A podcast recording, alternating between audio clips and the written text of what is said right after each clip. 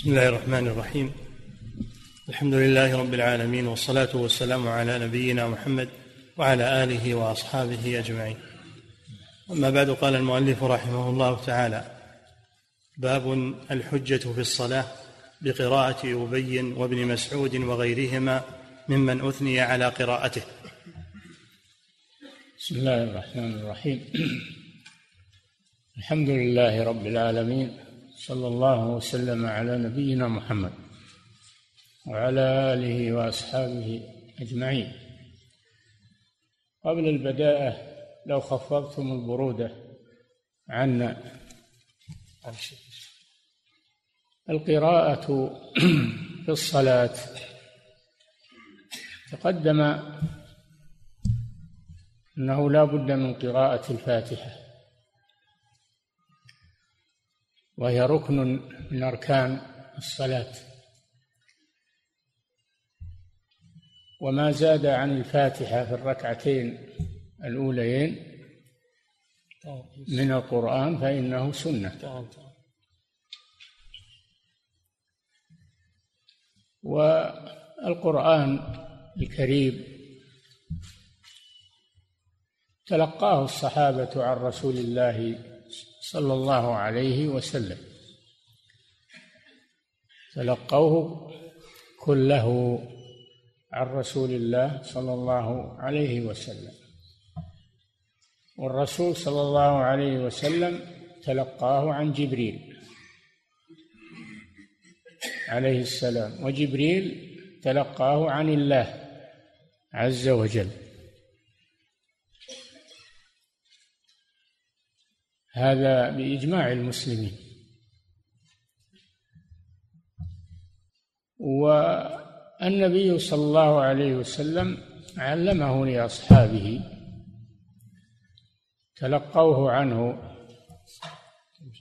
قد يكون في قراءة بعضهم اختلاف عن قراءة الآخر حسب ما روى عن رسول الله صلى الله عليه وسلم. وهذا ما يسمى باختلاف القراءات.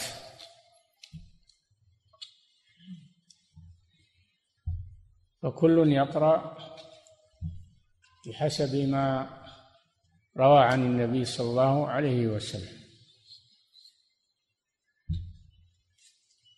فهل يجوز أن تختلف القراءات في الصلاة؟ هل يجوز هذا أو لا يجوز؟ أن لا بد أن تتوحد القراءة ولا تختلف.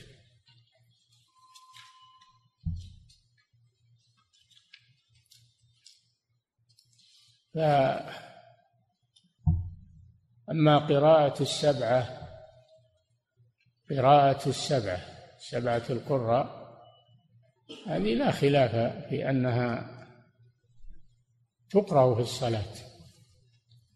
السبعة متواترة. وما زاد عنها فغير متواتر. لكن بعضها صحيح سنده صحيح. وإن كان آحادا فهل تقتصر القراءة في الصلاة على المتواتر وهي القراءات السبع؟ أو لا بأس أن يزاد عليها من ما صح من القراءات من الآحاد؟ هذا موضع الخلاف. بعض العلماء يرى أنه لا بد أن تكون القراءة موافقة لقراءة السبعة لأنها هي المتواترة.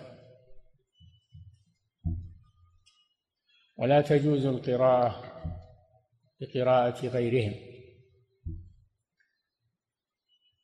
وبعضهم يرى أنه لا بأس أن يقرأ بما زاد عن السبعة مما صح عن الرسول صلى الله عليه وسلم سنده. هذا هو القول الثاني. وهو الذي بوب له الشيخ هنا. بوب له في هذا الباب مثل قراءة ابن مسعود قراءة أبي بن كعب قراءة معاذ بن جبل وقراءة سالم مولى أبي حذيفة هذه صحت عن الرسول صلى الله عليه وسلم. يجوز أن يقرأ بها في الصلاة.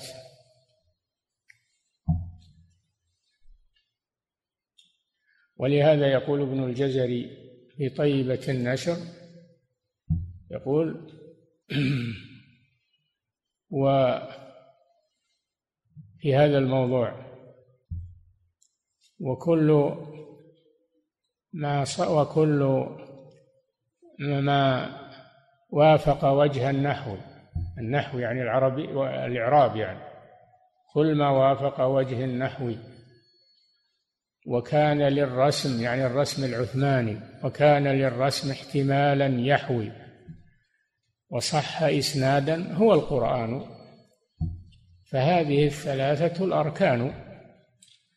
هذه الثلاثة إذا توافرت في القراءة وافقت وجه النحو ووافقت وجه الإعراب ليس فيها لحن وصح سندها هذا هو القرآن يصح تجوز القراءة به. ومما يدل على ذلك هذا الحديث حديث قراءة أبي بن مسعود معاذ يقول خذوا القرآن عن أربعة. يقول الرسول صلى الله عليه وسلم خذوا القرآن عن أربعة. هم ابن مسعود ومعاذ بن جبل وأبي بن كعب وسالم مولى أبي حذيفة. قولوا خذوا القرآن عن أربعة. دليل على جواز قراءة أحد هؤلاء الأربعة ولو لم يتواتر. وهذا هو الصحيح وهو الراجح. في متن الزاد يقول ولا تصح الصلاة بقراءة خارجة عن مصحف عثمان. ما دام توافق مصحف عثمان ولو لم تتواتر فإنها يصح القراءة بها تصح الصلاة إذا قرأ بها فيها. وما خالف الرسم العثماني فلا يجوز قراءته في الصلاة. نعم. باب الحجة في الصلاة بقراءة أبي وابن مسعود وغيرهما ممن أثني على قراءته. نعم باب الحجة يعني الدليل على جواز القراءة بما زاد عن القراءات السبع. من هؤلاء الأربعة من صحابة رسول الله صلى الله عليه وسلم لأن النبي صلى الله عليه وسلم أثنى عليهم وأحال عليهم قال خذوا القرآن عن أربعة. نعم. عن عبد الله بن عمر رضي الله عنهما قال قال رسول الله صلى الله عليه وسلم. ابن عمر ولا ابن عمر؟ عندي ابن عمر. نعم. عبد الله بن عمر رضي الله عنهما قال قال رسول الله صلى الله عليه وسلم خذوا القرآن من أربعة. نعم. من ابن يعني هؤلاء أولى. إلا ما هو محصور على هؤلاء الأربعة لكن هؤلاء أولى من غيرهم لأن النبي صلى الله عليه وسلم أثنى عليهم. نعم. خذوا القرآن من أربعة من ابن أم عبد. ابن أم عبد هو عبد الله بن مسعود. كنيته ابن أم عبد يكنى بأمه. الكنية الأصل أن تكون بالأب أبو فلان. ويجوز أن تكون بالأم ابن أم عبد مثل ابن أم مكتوم. هكذا نعم. من من ابن أم عبد فبدأ به. نعم بابن مسعود. نعم. ومعاذ بن جبل نعم. وأبي بن كعب وسالم مولى أبي حذيفة. رواه أحمد والبخاري والترمذي وصححه. سالم مولى أبي حذيفة يعني هو من الموالي عتيق رضي الله عنه وكان مولى لامرأة أبي حذيفة ابن عتبة بن ربيعة. كان مولى لها. وهبته وهبته لزوجها أبي حذيفة. وصار مولى له. وهو من أفاضل الصحابة ومن السابقين الأولين إلى الإسلام من المهاجرين. وهو الذي حمل راية المسلمين في قتال مسيلمة الكذاب وقتل رضي الله عنه شهيدا في هذه المعركة من جملة القراء الذين قتلوا في معركة اليمامة. شوفوا حملة القرآن هم الذين يحملون السيوف ويجاهدون في سبيل الله عز وجل. نعم. وعن أبي هريرة رضي الله عنه أن النبي صلى الله عليه وسلم قال من أحب أن يقرأ القرآن غريضا كما آه، مما يدل على فضل سالم مولى أبي حذيفة أن عمر رضي الله عنه لما حضرته الوفاة قال لو كان سالم مولى أبي حذيفة حيا لاستخلفته لو كان حيا لاستخلفته على المسلمين. نعم. وعن أبي هريرة رضي الله عنه أن النبي صلى الله عليه وسلم قال من من أحب أن يقرأ القرآن غريضا كما أنزل فليقرأه على قراءة ابن أم عبد رواه أحمد. من أحب أن يقرأ القرآن غريضا. غليظا وفي رواية غضا والمعنى واحد. نعم. من أحب أن يقرأ القرآن غليظا كما أنزل فليقرأه على قراءة ابن أم عبد رواه أحمد. نعم. وعن أنس. ابن أم عبد بن مسعود النبي صلى الله عليه وسلم أمره أن يقرأ عليه. فقال يا رسول الله أقرأ عليك أنزل؟ قال نعم إني أحب أن أسمعه من غيري. فقرأ عليه أول سورة النساء حتى بلغ قوله تعالى فكيف إذا جئنا من كل أمة بشهيد وجئنا بك على هؤلاء شهيدا؟ قال حسبك الآن. فوقف. قال فالتفت. فإذا عيناه تذرفان عليه الصلاة والسلام. الشاهد من هذا أنه استمع إلى قراءة ابن أم مسعود آه، آه، إلى قراءة ابن أم عبد الذي هو ابن مسعود. دل على فضل قراءته رضي الله عنه. نعم. وعن أنس رضي الله عنه قال قال رسول الله صلى الله عليه وسلم لأبي إن الله أمرني أن أقرأ عليك لم يكن الذين كفروا.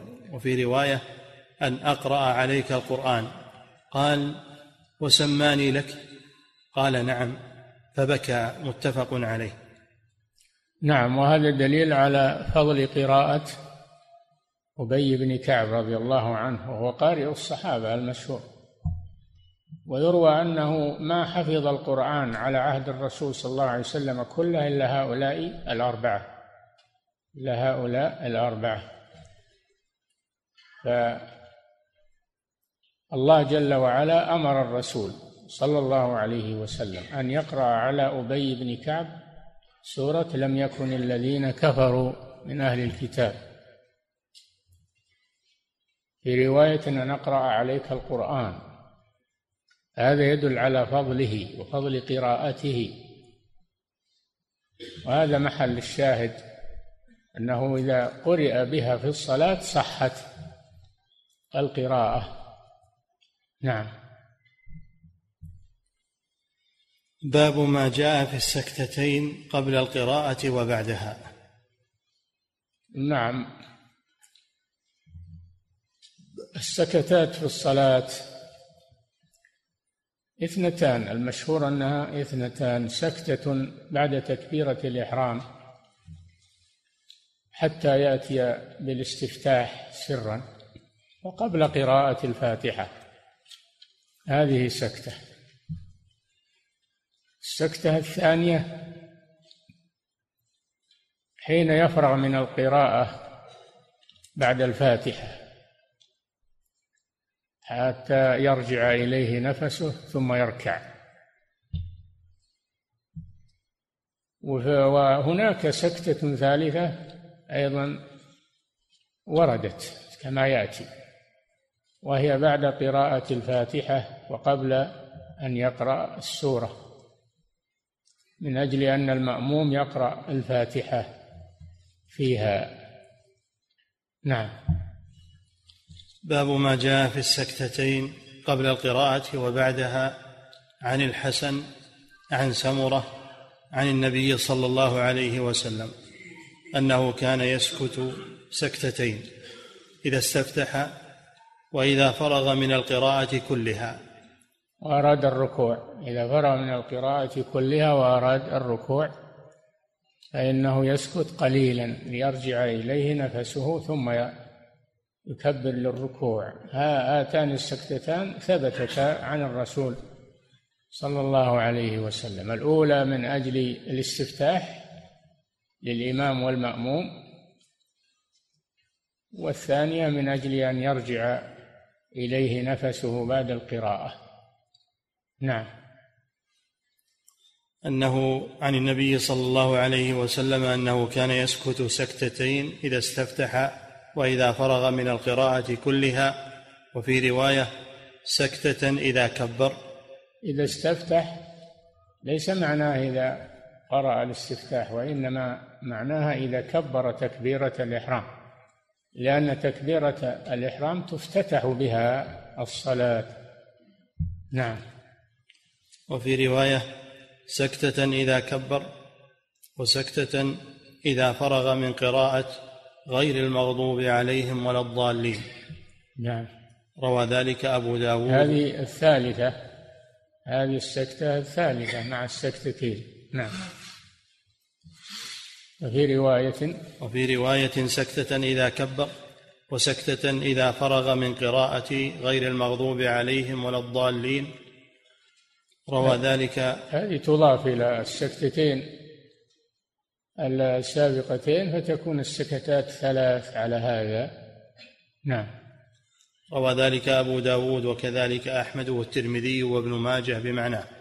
نعم. باب التكبير للركوع والسجود والرفع. تكبيرات التكبيرات على نوعين تكبيرة ركن من أركان الصلاة وهي تكبيرة الإحرام. هذه لا تنعقد الصلاة إلا بها. وبقية التكبيرات تسمى تكبيرات الانتقال. تكبيرات الانتقال من ركن إلى ركن كل خفض ورفع ركوع وسجود. هذه تسمى تكبيرات الانتقال. وهل هي واجبة أو سنة؟ على قولين مشهور أنها واجبة من واجبات الصلاة. نعم. باب التكبير للركوع والسجود والرفع.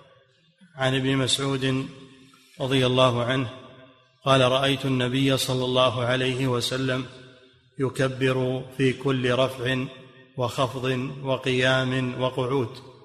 رواه أحمد والنسائي والترمذي. خفض ورفع. إذا قام كبر إذا ركع أو سجد كبر. هذا الخفض. نعم. في كل رفع وخفض وقيام وقعود. نعم. رواه أحمد والنسائي والترمذي وصححه. نعم. وعن عكرمة قال قلت لابن عباس صليت الظهر. عكرمة مولى ابن عباس. نعم. وعن إكرمة قال قلت لابن عباس صليت الظهر بالبطحاء خلف شيخ أحمق فكبر ثنتين وعشرين تكبيرة. يكبر إذا سجد وإذا رفع رأسه. فقال ابن عباس تلك صلاة أبي القاسم صلى الله عليه وسلم رواه أحمد والبخاري. نعم. عكرمة استنكر هذه التكبيرات من هذا الرجل. وسأل ابن عباس رضي الله عنه ابن عباس قال تلك صلاة أبي القاسم صلى الله عليه وسلم. يعني هذا هو السنة والرجل أصاب. هذا الرجل أصاب السنة. دل على تكبيرات الانتقال من ركن إلى ركن. نعم. وعن أبي موسى رضي الله عنه قال إن رسول الله صلى الله عليه وسلم خطبنا فبين لنا سنتنا. وعلمنا صلاتنا فقال إذا صليتم فأقيموا صفوفكم ثم ثم ليؤمكم أحدكم فإذا كبر فكبروا وإذا قرأ فأنصتوا وإذا قال غير المغضوب عليهم ولا الضالين فقولوا آمين يجبكم الله. وإذا كبر وركع فكبروا واركعوا. فإن الإمام يرفع فإن الإمام يركع قبلكم ويرفع قبلكم. قال رسول الله صلى الله عليه وسلم فتلك بتلك. وإذا قال سمع الله لمن حمده فقولوا اللهم ربنا لك الحمد يسمع الله لكم. فإن يسمع, يسمع الله. يسمع الله لكم. فإن الله تعالى قال على لسان نبيه سمع الله لمن حمده. وإذا كبر وسجد فكبروا واسجدوا فإن الإمام يسجد قبلكم ويرفع قبلكم. قال رسول الله صلى الله عليه وسلم فتلك بتلك. وإذا كان عند القعدة فليكن من أول قوله تحيات الطيبات الصلوات لله. السلام عليك أيها النبي ورحمة الله وبركاته. السلام علينا وعلى عباد الله الصالحين. أشهد أن لا إله إلا الله وأن محمدا عبده ورسوله. رواه أحمد ومسلم والنسائي وأبو داود. وفي رواية بعضهم وأشهد أن محمدا. نعم هذا الحديث فيه بيان تكبيرات الانتقال. وفيه أن الرفع من الركوع لا يقال الله أكبر وإنما يقال سمع الله لمن حمده. وفيه صلاة الجماعة أنهم لا يصلون فرادى الفريضة لا يصلونها فرادى في مكان واحد. وإنما يجب عليهم أن يجتمعوا جماعة ويجعل إماما لهم يصلي بهم. هذا هو السنة الثابتة عن رسول الله صلى الله عليه وسلم. وفيه أن أن أفعال المأموم وتكبيرات المأموم تكون بعد تكبيرة الإحرام تكبيرة الإمام وركوعه وسجوده. لأنه تابع للإمام. المتبوع لا يتقدم على التابع ولا يوافقه أيضا وإنما يأتي بعده. وفيه تعديل الصفوف خلف الإمام. كل هذه الأحكام في هذا الحديث العظيم. نأخذه جزئية جزئية. نعم. وعن أبي موسى رضي الله عنه قال إن رسول الله صلى الله عليه وسلم خطبنا فبين لنا سنتنا. هذا دليل على أن الخطب تبين فيها الأحكام الشرعية ولا تحشى بالكلام الفارغ والأسلوب الخطابي الذي لا فائدة منه أو يؤتى بمعان غريبة عن الموضوع. مثل ما يفعل بعض الخطباء الآن وإنما مهمة الخطبة تعليم الناس تعليم الناس أمور دينهم ومعاملاتهم وما يحتاجون إليه تنبيههم على ما يحصل من الخطأ التجاوزات حتى يتجنبوها. هذه مهمة الخطبة خطبة الجمعة وكذلك الخطب الأخرى بالمناسبات.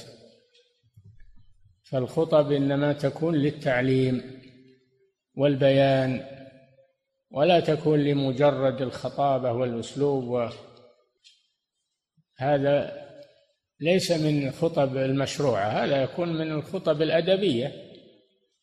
الخطب الأدبية لها شأن آخر.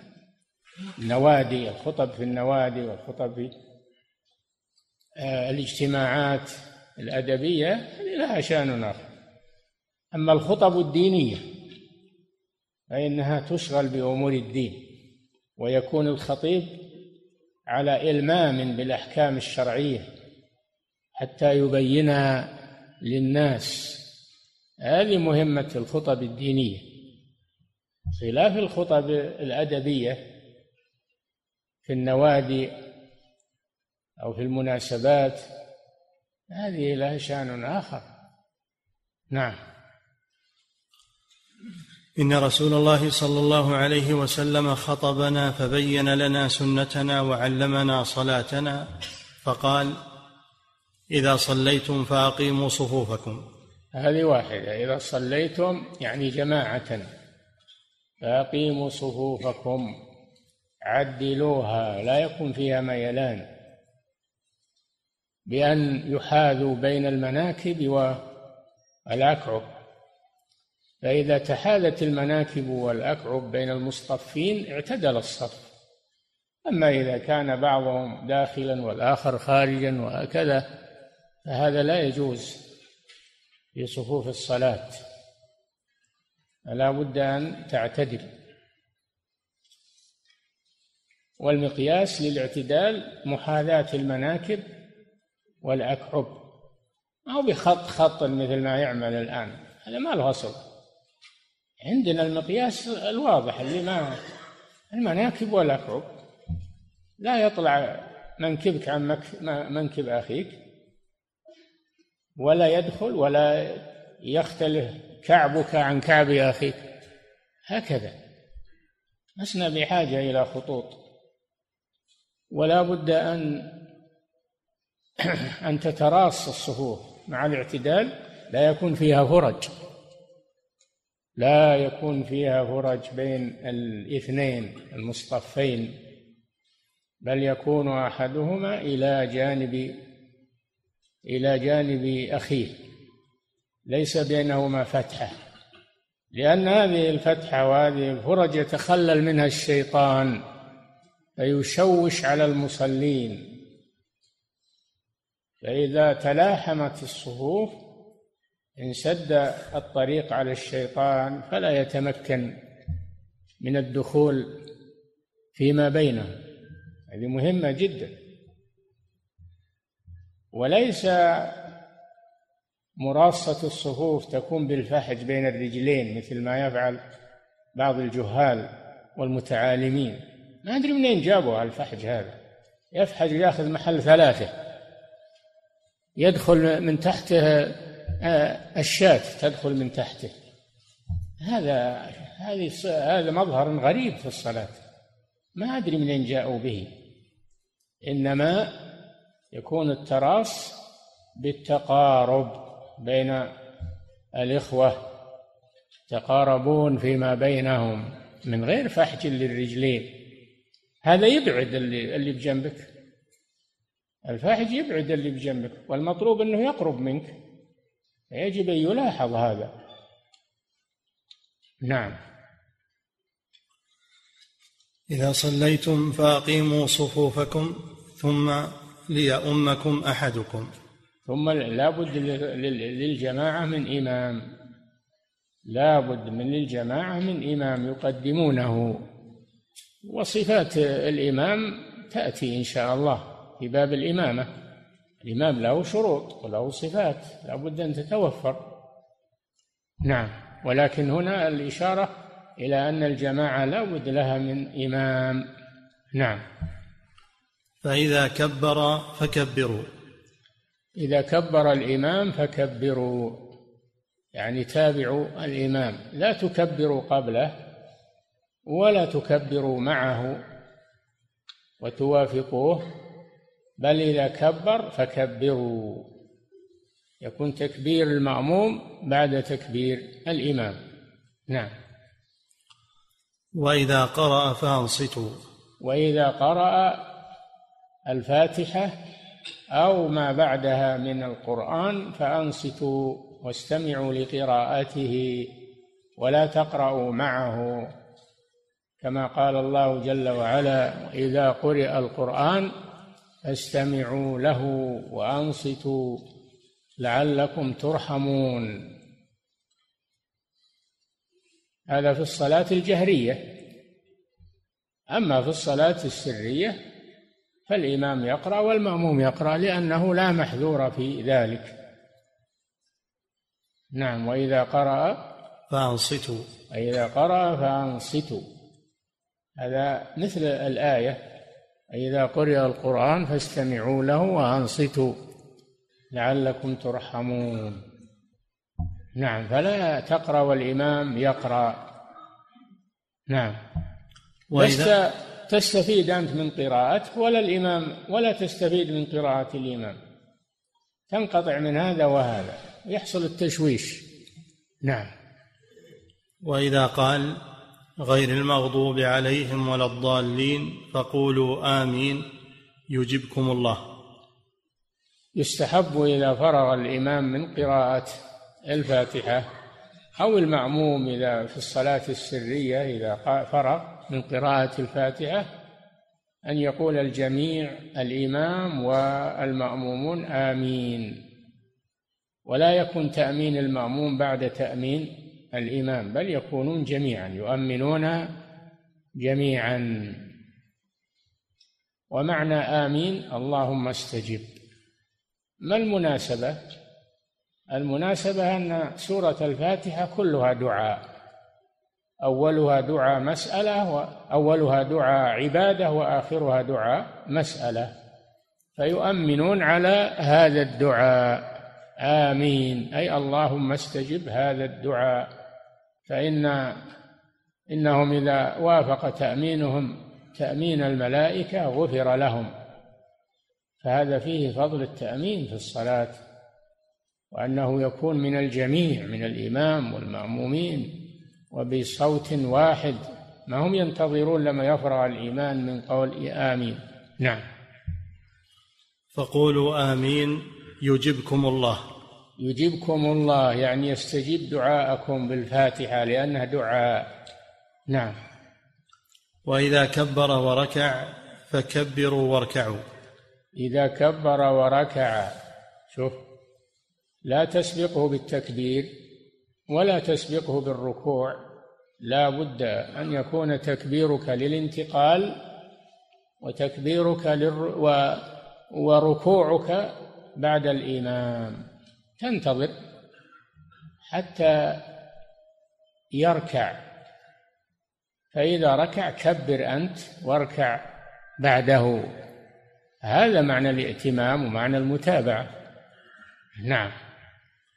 وإذا كبر وركع فكبروا واركعوا فإن الإمام يركع قبلكم ويرفع قبلكم. قال رسول الله صلى الله عليه وسلم فتلك بتلك. أي كما أنه يركع قبلكم فهو يرفع قبلكم فتلك بتلك. يعني كونه يركع قبلكم مع كونه يرفع قبلكم هذه مثل هذه سواء. فدل على أن المأموم ينتظر حتى يركع إمامه ثم يتابعه ولا يرفع حتى يرفع إمامه ثم يرفع بعده. فيكون عمل المأموم تابعا و تابعا وتاليا لعمل الإمام في الركوع والتكبير. نعم. وإذا قال سمع الله لمن حمده فقولوا اللهم ربنا لك الحمد. أما ما يقال في الانتقال من الركوع إلى القيام فإنه يقال سمع الله لمن حمده. وهذه اللفظة جاءت عن الله جل وعلا أنه أمر بها كما يأتي. ومعنى سمع الله لمن حمده أي استجاب. سمع هنا معناها الإجابة لأن سمع إذا عدي بنفسه معناه السماع المعروف صفة من صفات الله عز وجل يسمع الأصوات ويسمع كل شيء سبحانه وتعالى إذا عدي بنفسه. أما إذا عدي باللام فمعناه الاستجابة. سمع الله أي استجاب لمن حمده. نعم. وإذا قال سمع الله لمن حمده فقولوا اللهم ربنا لك الحمد. ولا تقولوا سمع الله لمن حمده مثل ما تقولون في التكبير. بل قولوا اللهم ربنا ولك الحمد. فالإمام يقول سمع الله لمن حمده والمأموم يقول ربنا ولك الحمد. فالإمام لا يقول ربنا ولك الحمد في ظاهر الحديث وإنما يقتصر على قول سمع الله لمن حمده والمأموم لا يقول سمع الله لمن حمده وإنما يقتصر على ربنا ولك الحمد. كذا. وقيل إن المسألة فيها خلاف إن المأموم يجمع بينهما والإمام يجمع بينهما فالله أعلم لكن ظاهر الحديث كذا. أن الإمام يقتصر على قول سمع الله لمن حمده والمأموم يقتصر على ربنا ولك الحمد. ربنا اللهم ربنا ولك الحمد وردت بعدة صيغ. اللهم ربنا ولك الحمد بالجمع بين اللهم والواو. ربنا لك الحمد بحذف اللهم وحذف الواو. ربنا لك الحمد. اللهم ربنا لك الحمد بحذف الواو والإتيان باللهم. هذه ثلاث. الرابعة الرابعة ربنا ولك الحمد بحذف اللهم والإتيان بالواو. كلها صيغ واردة. نعم. وإذا قال سمع الله لمن حمده فقولوا اللهم ربنا لك الحمد يسمع الله لكم. إذا قلتم هذا يسمع الله لكم يعني يستجيب يستجيب لكم. نعم. فإن الله تعالى قال على لسان نبيه سمع الله لمن حمده. نعم هذا دليل على أن هذه اللفظة جاءت عن الله جل وعلا. ليست من كلام الرسول وإنما هي من كلام الله سبحانه وتعالى أمر الله بها عباده. أن يقولوها. نعم. وإذا كبر وسجد فكبروا واسجدوا. إذا كبر وسجد. أمران. تكبير أولا ثم السجود. من الإمام المأموم يبقى واقفا بعد الركوع معتدلا حتى يكبر المأموم للركوع ويسجد على الأرض. ثم يتبعه المأموم بالتكبير والسجود. نعم. فإن الإمام يسجد قبلكم ويرفع قبلكم قال رسول الله صلى الله عليه وسلم فتلك بتلك. نعم كونكم تتأخرون في الأول ويسجد قبلكم أنتم تتأخرون في المرة الثانية بعده فتلك بتلك. تلك بتلك. تقدم الإمام عليكم يقابله تأخركم عنه. نعم. وإذا كان عند القعدة فليكن من أول إذا كان عند القعدة يعني عند القعدة للتشهد عند الجلوس للتشهد الأول والأخير. فأول ما تبدأ به التحيات. ما تبدأ بشيء غيرها. تكبر للانتقال. فإذا قعدت تأتي بالتحيات. نعم. وإذا كان عند القاعدة فليكن من أول من أول قوله التحيات الطيبات. تحيات جميع التعظيمات لله جل وعلا. تحيات هي التعظيمات. تعظيم لا يكون إلا لله سبحانه وتعالى. نعم. التحيات الطيبات. الطيبات. كلمات الطيبات والصلوات كلها لله عز وجل. والله طيب ولا يقبل إلا طيبا. نعم. التحيات الطيبات الصلوات لله. بالواو وبدون واو. التحيات الطيبات الصلوات بدون واو. أو تحيات لله والصلوات والطيبات. لا بأس بذلك. نعم. الصلوات جميع ما الصلوات الفرائض والنوافل. والدعوات أيضا. الدعوات تسمى صلوات. نعم. السلام عليك أيها النبي ورحمة الله وبركاته. السلام عليك أيها النبي. تسلم على النبي صلى الله عليه وسلم. وتخاطبه من باب الاستحضار في ذهنك. وإن كان ميتا وإن كان غائبا عليه الصلاة والسلام فهذا استحضار ذهني. وليس هو حضور محسوس وإنما هو استحضار ذهني في ذهنك. نعم. السلام علينا وعلى عباد الله الصالحين. ثم تسلم على جميع إخوانك من كل عبد صالح في السماء والأرض. السلام علينا الحاضرين وعلى عباد الله الصالحين في السماوات والأرض. تسلم على الجميع الحاضرين والغائبين من عباد الله المؤمنين. نعم. أشهد أن لا إله إلا الله وأن محمدا عبده ورسوله. أشهد أن لا إله إلا الله أي أقر وأعترف وأعلن أنه لا يستحق العبادة إلا الله جل وعلا. وأن كل معبود سواه فهو باطل. هذا معنى أشهد أن لا إله إلا الله. أقر وأعترف وأعلن بلساني وقلبي أنه لا يستحق العبادة إلا الله عز وجل وأن كل معبود سواه فهو باطل. نعم وأشهد أن أو بدون أشهد ورد أشهد بذكر أشهد مرة ثانية وورد بدون ذكرها. أشهد أن لا إله إلا الله وأن محمدا عبده ورسوله. وورد أشهد أن لا إله إلا الله وأشهد أن محمدا عبده ورسوله. كما تشهد لله بالألوهية تشهد للنبي صلى الله عليه وسلم بالرسالة. أي أقر وأعترف وأتيقن أنه رسول الله عز وجل. عبده ورسوله. شوف عبده ورسوله. آه. عبده هذا رد للغلو في حقه صلى الله عليه وسلم فهو عبد. ليس له من الألوهية شيء. ورسوله رد لل... لاحتقاره صلى الله عليه وسلم. لأن اليهود يحتقرون الرسول ولا يؤمنون برسالته. فهذا نفي للإفراط والتفريط. الإفراط في الغلو في الرسول وهو عبد الله والتفريط في حق الرسول صلى الله عليه وسلم وجحود رسالته ونبوته عليه الصلاة والسلام.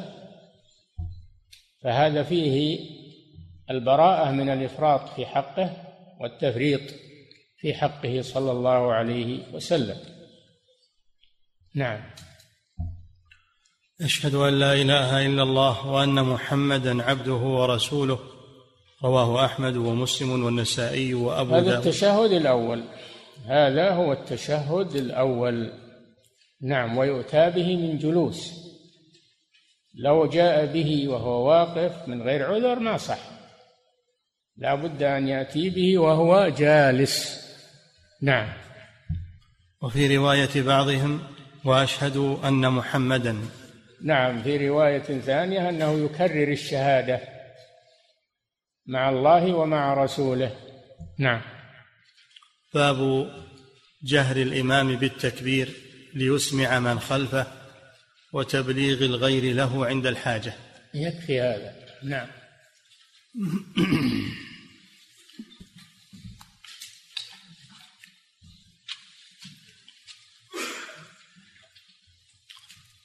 فضيلة الشيخ وفقكم الله. يقول هل ورد أن سورة البينة يصعب حفظها على المنافقين؟ ما أدري والله ما سمعت نعم. فضيلة الشيخ. المنافقون يقرؤون القرآن. يقرؤون القرآن. مثل المنافق الذي يقرأ القرآن كمثل الريحانة ريحها طيب وطعمها مر. دل على أن المنافقين يقرؤون القرآن ويحفظونه. نعم. فضيلة الشيخ وفقكم الله يقول هل صحيح أن أول من جمع القرآن هو أبو بكر الصديق رضي الله عنه؟ الله أعلم ما أدري. يعني جمع في الحفظ قصده. أول من جمع القرآن في الحفظ في صدره. جمعه خلق من الصحابة في صدورهم. نعم. فضيلة الشيخ وفقكم الله. يقول ما أصل الاختلاف في قراءة الصحابة؟ أما أما جمع القرآن بمعنى جمع الصحف التي كتبت في عهد النبي صلى الله عليه وسلم فهل نعم هذا في عهد أبي بكر. لأن القرآن كان مكتوبا في اللوحات وفي اللخاف وفي غيرها لكنه متفرق عند الصحابة. متفرق عند الصحابة لكن كله مكتوب. ما توفي الرسول صلى الله عليه وسلم إلا وهو مكتوب كله. ولكنه كان متفرقا في بيوت الصحابة. فلما كان في خلافة أبي بكر الصديق وكثر القتل في القرى في وقعة اليمامة خشوا على القرآن أن يضيع منه شيء لأن حملته قتل أكثرهم. أشاروا على أبي بكر رضي الله عنه بجمع الصحف المكتوبة عند الصحابة في مكان واحد بدل أن تكون متفرقة. فجمعت في عهد أبي بكر جميع الكتابات في القرآن الكريم حتى تكامل القرآن مكتوبا في مكان واحد. وهذا من حفظ الله لهذا القرآن.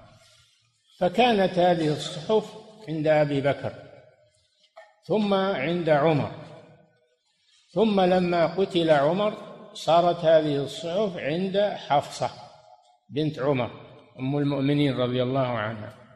ثم في عهد عثمان رضي الله عنه لما اختلفت القراءات والمصاحف خشوا من الخلاف بين الأمة فجمعهم رضي الله عنه على مصحف واحد المصحف العثماني. هذا الجمع الثالث للقرآن.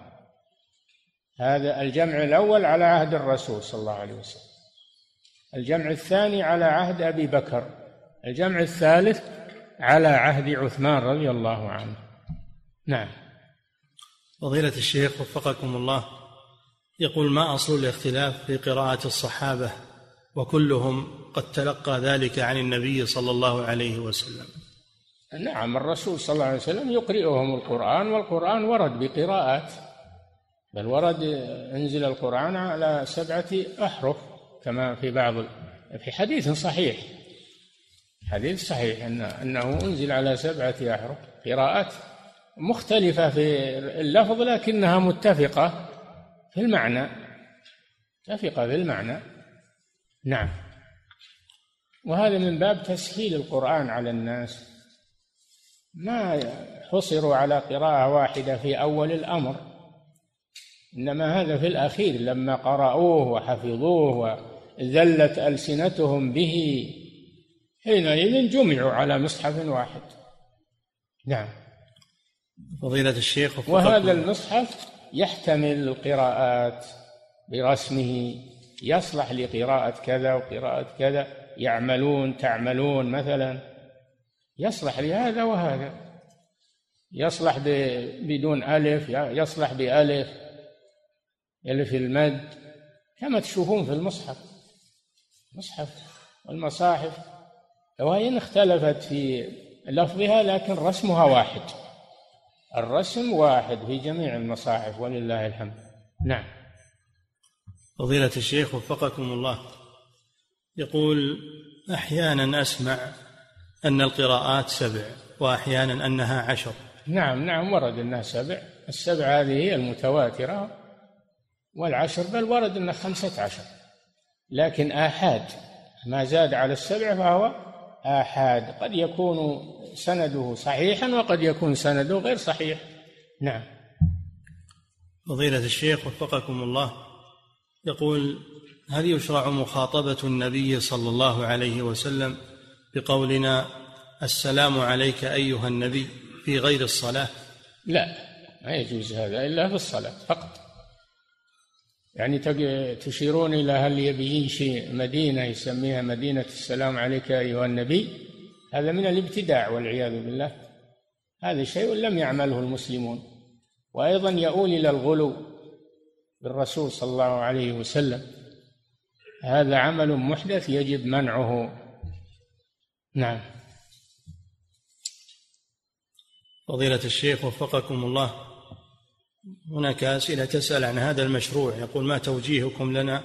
نعم أسئلة تسأل عن هذا المشروع وهو ما يسمى بالسلام عليك أيها النبي. يقول ما توجيهكم لنا؟ عرفنا نبهناكم قلنا هذا لا يجوز وهذا عمل محدث ويجب منعه حفاظا على العقيدة. ومنعا للغلو بالرسول صلى الله عليه وسلم. نعم. فضيلة الشيخ وفقكم الله هل يجوز القراءة بقراءة ابن مسعود في الصلاة في قوله وصيام ثلاثة أيام متتابعات لا هذه ما صح ما صحت. هذه سندها ما هو صحيح يعني فيه ضعف فلا يقرأ بها في الصلاة.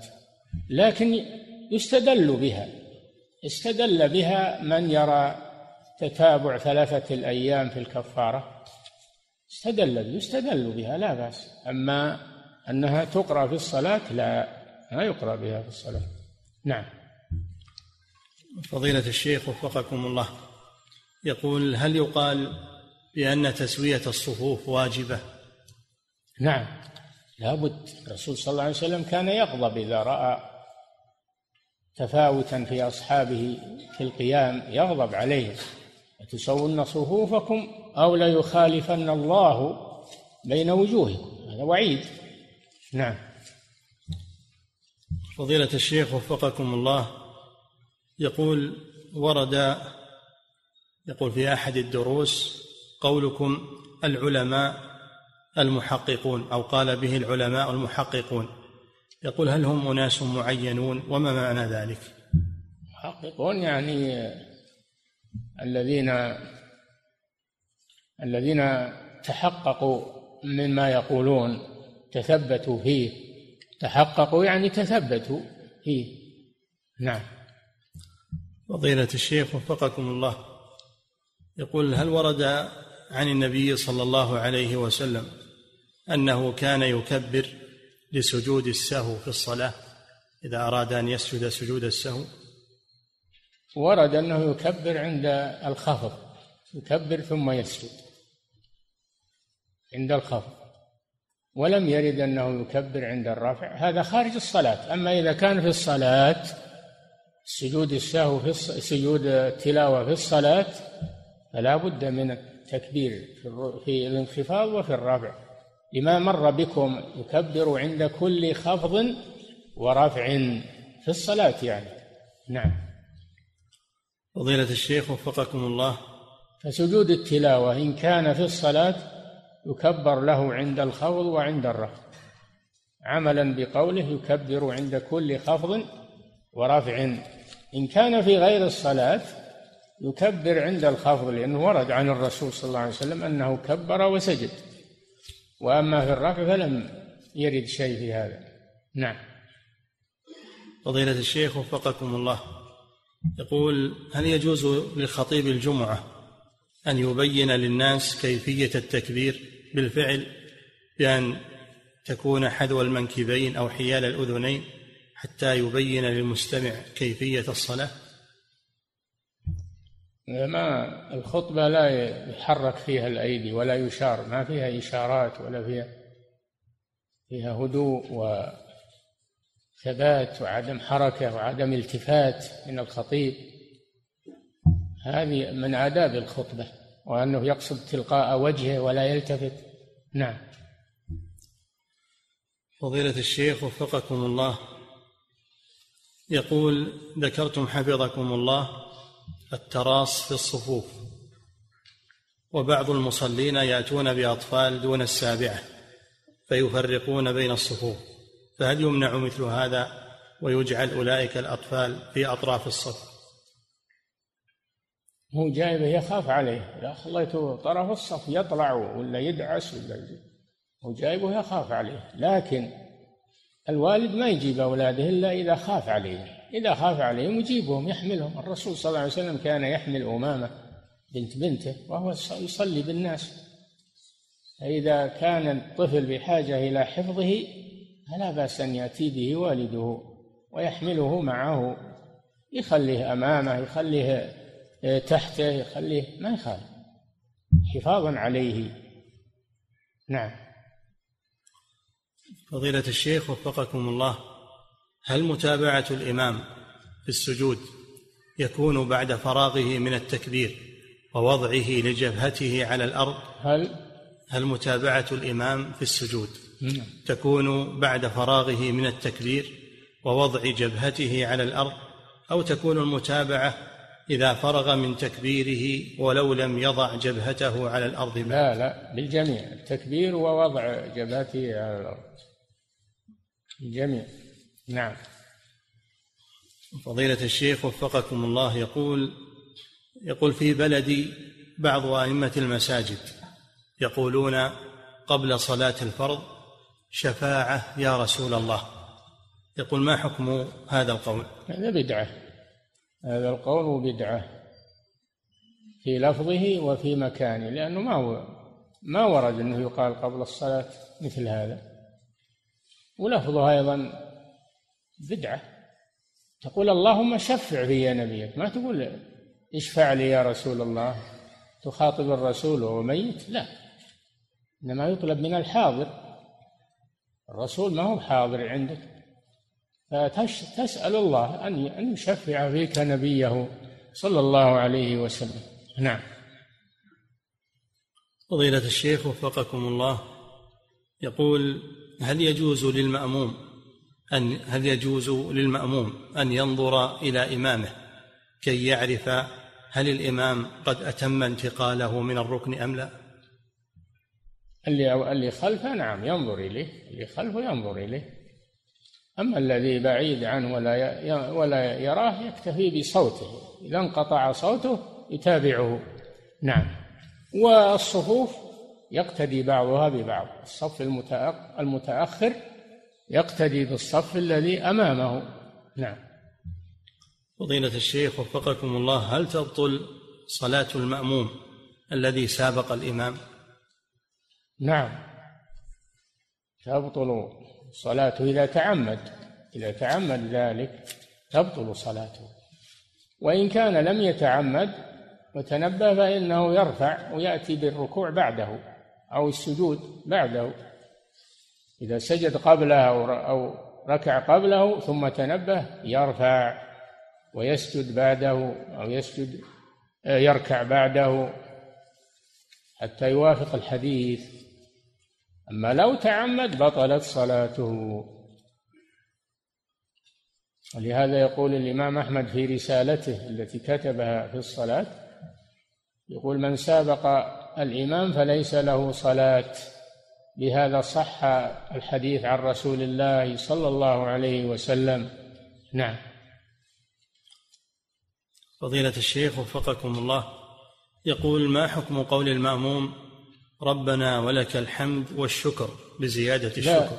لا لا, لا تزد شيئا من عندك تأتي بالوارد فقط ولا تزد من عندك شيء لم يرد. هذه صلاة ما يزاد فيها. نعم.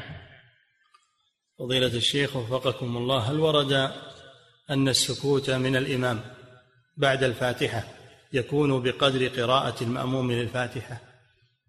نعم ذكروا هذا. ذكروا أنه من أجل أن يقرأ المأموم الفاتحة. نعم. فضيلة الشيخ وفقكم الله. يقول إذا قرأت في فجر الجمعة سورة السجدة والإنسان هل أتأنى بالقراءة أم أخفف حيث إني إذا قرأت بالتأني والتمهل تذمر الجماعة وقالوا إني أطيل عليهم. فما توجيهكم في نعم ذلك؟ توسط.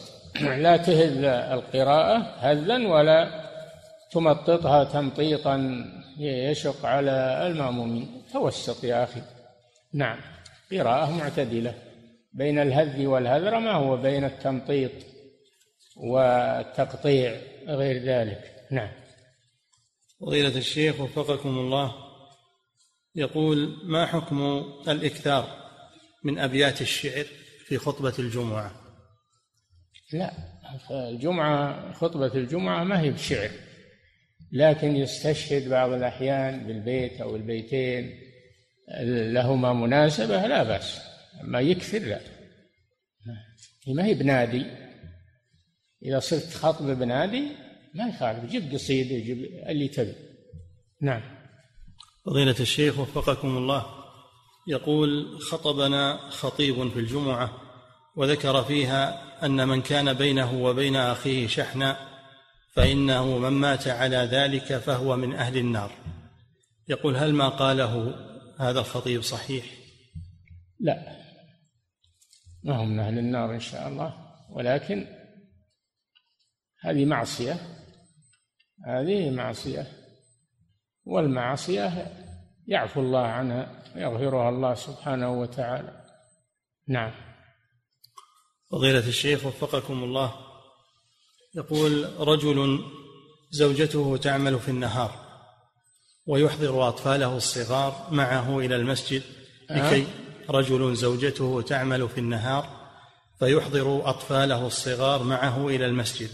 الآن صاروا اللي يربون الأولاد الآباء. أما الأمهات صارت هي الرجال. تخرج للعمل وتخرج للوظيفة والأب في البيت يتولى الأطفال ويربيهم. انعكست الأمور ولا حول ولا قوة إلا بالله. ما له وش يضيع أولاده؟ لازم يراعيهم لازم يحفظهم. نعم. حفظك الله هذا صاحب الأطفال الصغار. يقول إذا كانوا يزعجون المصلين فهل لي أن أصلي في البيت؟ إذا صرت مرة تصلي بالبيت. يصلي بالبيت النساء. صل.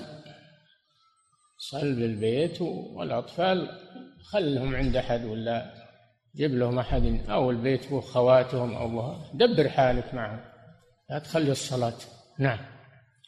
فضيلة الشيخ وفقكم الله يقول السائل يقول في مسجدنا يأمر الإمام طلاب الحلقات بالصلاة في مصلى النساء المفصول عن المسجد خشية أن يقوموا بإزعاج المصلين فهل فعله جائز؟ لا ما يبعدون بل يخلون مع المصلين لأجل أن يقتدوا بالمصلين ويتربوا إذا صاروا وحدهم في مكان مفصول زاد لعبهم وزاد هذه ما هي بتربية نعم. لكن قل ما يخلون جميع يفرقون بين المصلين يفرقون ما يخلون جميع أو صف واحد. نعم. فضيلة الشيخ وفقكم الله. يقول إذا ذهبت الزوجة إلى بيت أخيها بعد إذن زوجها ثم بعد ذلك تخرج من بيت أخيها إلى السوق أو إلى شيء آخر. بدون إذن الزوج. هل يجوز لها ذلك؟ لا لا يجوز لها. تذهب إلى السوق إلا بإذن زوجها ولحاجه يكون لحاجة وبإذن زوجها ويكون أيضا بقدر الحاجة وترجع. ما تروح تفرج وت... وتوقف بالسوق من دون حاجة تضيع نفسها وتضيع الوقت تعرض للأذى. نعم. فضيلة الشيخ وفقكم الله. يقول نحن مجموعة من الشباب نخرج خارج الرياض إلى البر مسافة ثمانين كيلو أو أكثر ويكون معنا ماء ويمكن أن نحتاج إليه إذا عرض لنا عارض. ويقول أحد أصحابنا لا بد أن تتوضاوا بهذا الماء ولا يجوز لكم التيمم. يقول ما الضابط في ذلك؟ الضابط في هذا إذا كان الماء قليلا لا يتسع للوضوء ولحاجتهم يقدمون الحاجة ويتيممون الحمد لله. أما إذا كان الماء كثيرا يتسع فيجب عليهم الوضوء بالماء. ألم تجدوا ماء؟ هؤلاء يواجدون للماء. نعم. فضيلة الشيخ وفقكم الله. يقول ورد فيما يجتنبه المحرم حديث إن صيد وج حرام وهو واد بالطائف خارج المواقيت. سؤاله هل يكره أم يحرم أم أن هذا الحديث غير صحيح؟ وادي وج الصحيح أنه ليس حرما ولا بأس بالصيد فيه لا يأخذ أحكام الحرام. نعم.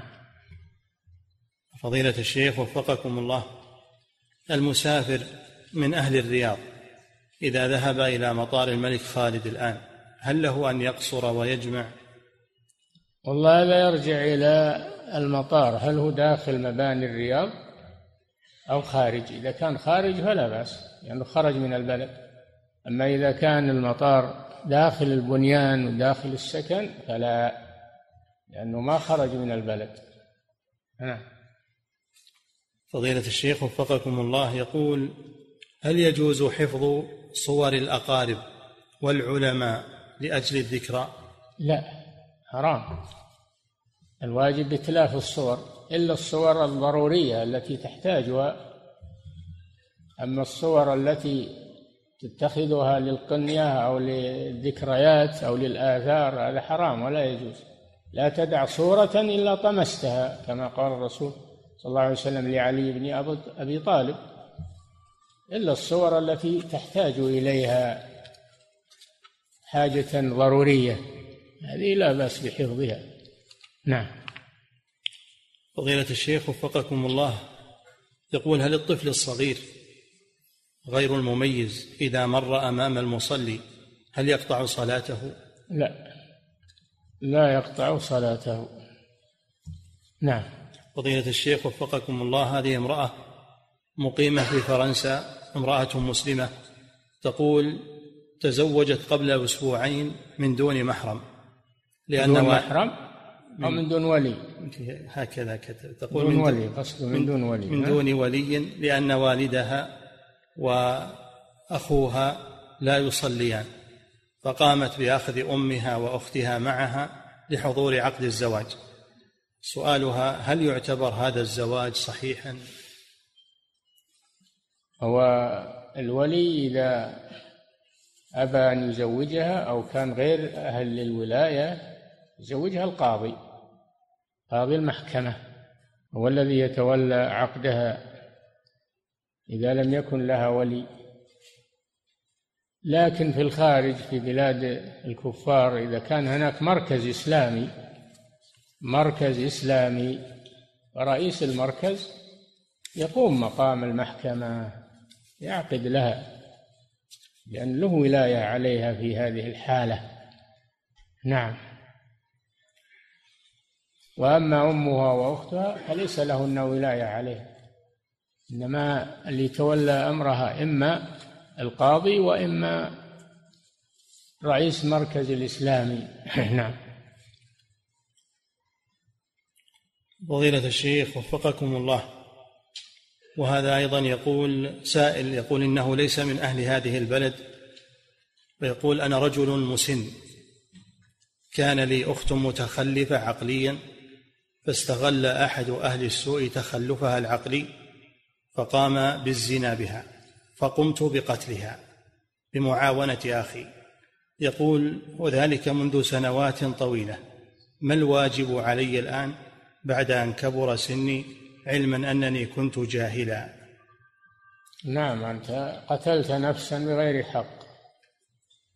ونفس أيضا قريبة منك ذات محرم. الجرم شديد ولكن عليك التوبة إلى الله عز وجل. وإن كان لها ورثة تدفع نصيبهم من الدية من ديتها دية العمد. نعم وإن سمحوا الحمد لله. نعم. فضيلة الشيخ وفقكم الله يقول السائل امرأة توفي لها ميت. امرأة توفي لها ميت فأرادت الصلاة عليه في البيت فهل لها ذلك؟ ما يصلى على الميت إلا إذا كفن إذا غسل وكفن إذا غسل وكفن فلا بأس أن تصلي عليه المرأة. أما قبل التغسيل والتكفين لا. نعم. فضيلة الشيخ وفقكم الله يقول حصل بيني وبين أحد من الإخوة شحنا فأرسلت له اعتذارا بالجوال فهل يعد هذا كافيا شرعا؟ إذا رد عليك بقبول الاعتذار يكفي أما إذا ما رد عليك ربما أنه ما بلغه اعتذارك أو ربما أنه يريد أن تقابله ولا يكفي أنك تراسله. آه، ما يكفي هذا إلا إذا سمح هو بلغك أنه سمح. نعم. فضيلة الشيخ وفقكم الله يقول ما حكم المذاكرة وقراءة الكتب الدنيوية كالرياضيات والفيزياء داخل المسجد لأجل الهدوء واستحضار الذهن فأقوم بمذاكرة هذه المقررات فيه. الله المسجد ليس لأمور الدنيا ليس لأمور الدنيا لا للبيع ولا للشراء ولا ولا للتكسب للمهن. المسجد يصان عن هذا. فمهما أمكن أنك تجعل مكان غير المسجد فهو أحسن. نعم. فضيلة الشيخ وفقكم الله يقول بدأت تظهر مقاطع فيديو وصور تقريبية للنار والجنة يقولون من باب العظة والترغيب والترهيب.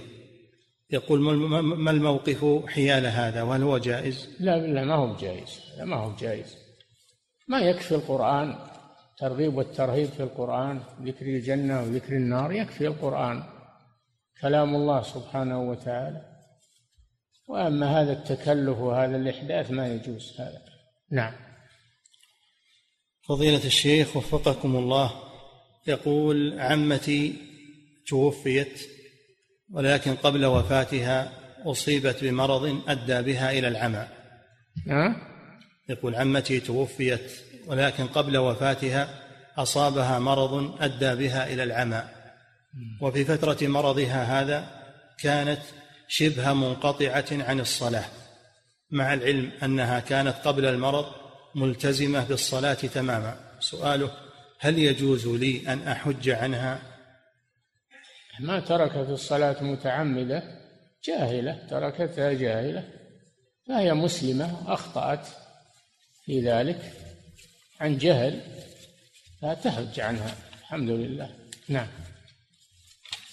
فضيلة الشيخ وفقكم الله يقول مغسلة أموات أحضر لها ميت أحضر لها ميت قد تمزق في حادث فقامت المغسلة أو أصحاب المغسلة بغسل هذه الجثة وتكفينها والصلاة عليها.